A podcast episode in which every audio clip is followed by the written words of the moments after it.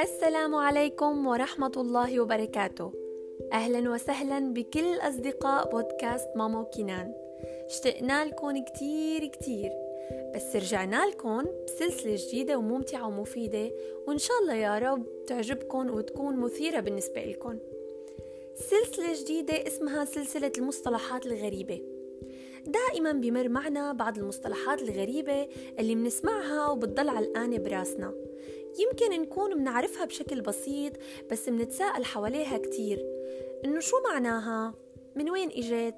شو أصل تسميتها؟ ومين اخترعها؟ وهيك كتير شغلات فكرة السلسلة إنه دائما كنان كل ما مر معه مصطلح غريب وجديد بحب يسألني عنه بالتفصيل لأنه هو مثل كل الأطفال محبين للاستكشاف وعندهم فضول وحب المعرفة لكل شيء. خاصة المميزين اللي بيحبوا يسمعونا ويتابعونا دائما. فحبيت شارككم كل كل سؤال بيسألني يا كنان من باب نشر المعرفة ومشاركة الفائدة. وانتو كمان. إذا بمر معكم أو عندكم أي مصطلح حابين نعرف عنه بالتفصيل ونشاركه مع الأصدقاء راسلوني وابعتولي اسم المصطلح مع اسم الطفل اللي عم يسأل عنه. ورح يكون لكل مصطلح قصة مشوقة وكيف مر معنا وخطر على باله كنان يسألني عنه. شو رأيكم نبدأ اليوم بأول مصطلح حلو خفيف ومشوق وبالفعل غريب؟ وشو رأيكم نسمع قصة هالمصطلح؟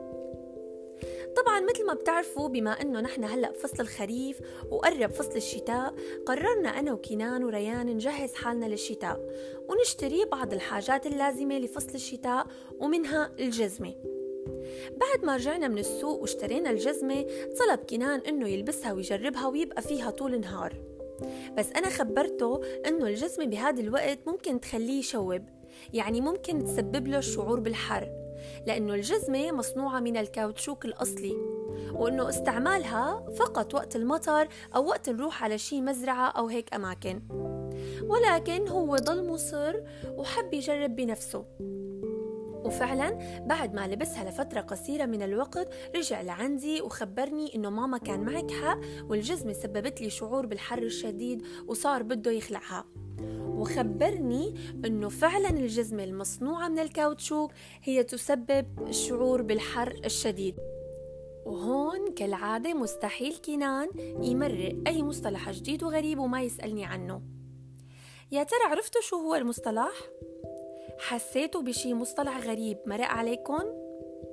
اللي كان مركز معي أكيد رح يعرف طبعا هون قال لي كنان شو ماما؟ شو يعني الكاوتشوك؟ الكاوتشوك. صحيح الكاوتشوك. مين متحمس يعرف شو معنى هالكلمة؟ وشو معنى الكاوتشوك؟ وشو أصل تسميتها؟ ومين سماها؟ وكتير شغلات مهمة. اللي حابب يسمع ومتحمس كتير يعرف الحكاية يلا ركزوا معي لأنه رح نبدأ. أول شي لازم نعرفه أنه كلمة الكاوتشوك تعني المطاط شو تعني؟ تعني المطاط طيب ما هو المطاط أو الكاوتشوك؟ هي مادة مرنة قابلة للمط تتجمد وتصنع بطريقة خاصة لتستخدم في صناعة الكثير من الأشياء مثل إطارات السيارات، بعض الملابس، بعض الأحذية والكثير الكثير. طيب من وين بيجي هذا الكاوتشوك؟ يعني من أين يستخرج؟ طبعا يستخرج الكاوتشوك من سيقان أشجار خاصة تنمو في المناطق الحارة أهم هذه الأشجار هي أشجار الهيفيا البرازيلية التي تنمو في حوض نهر الأمازون بالبرازيل والمطاط هو عبارة عن سائل لزج لونه أبيض تقريبا يخرج من هذه الأشجار يعتبر المطاط الطبيعي من أهم المواد التي تستخدم في صناعة الكثير من الأشياء والأغراض التي نستخدمها بشكل يومي.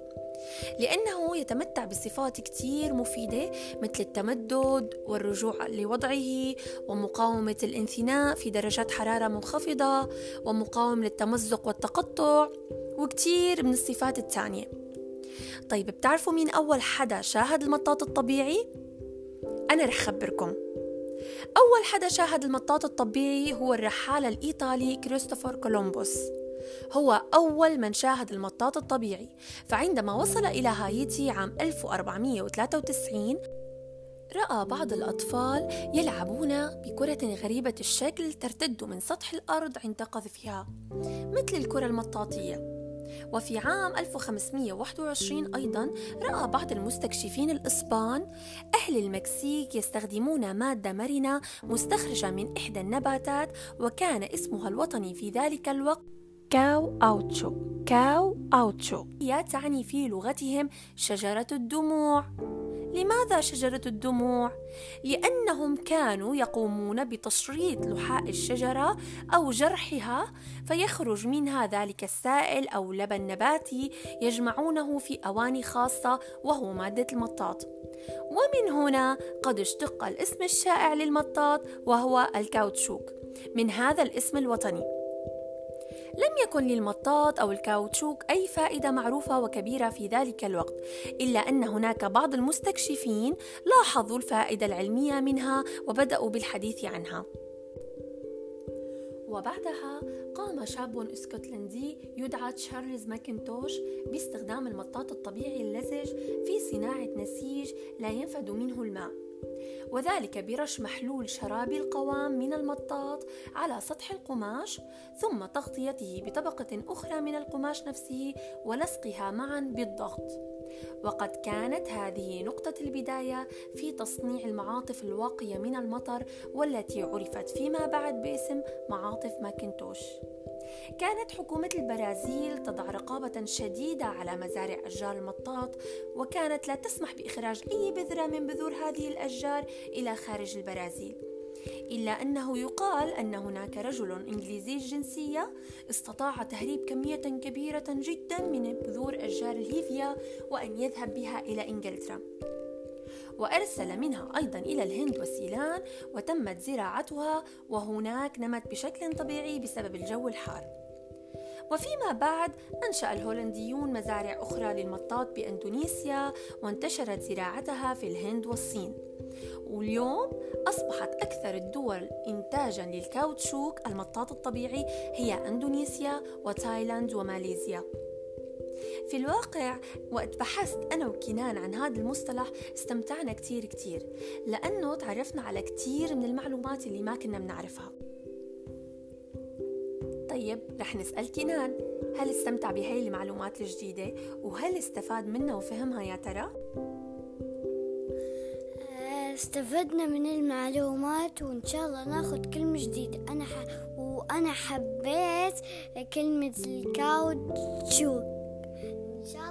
ناخذ كلمة جديدة وأنا بحبكم كتير ويلا bye. إن شاء الله وأنت ريان حبيت الكلمة الجديدة؟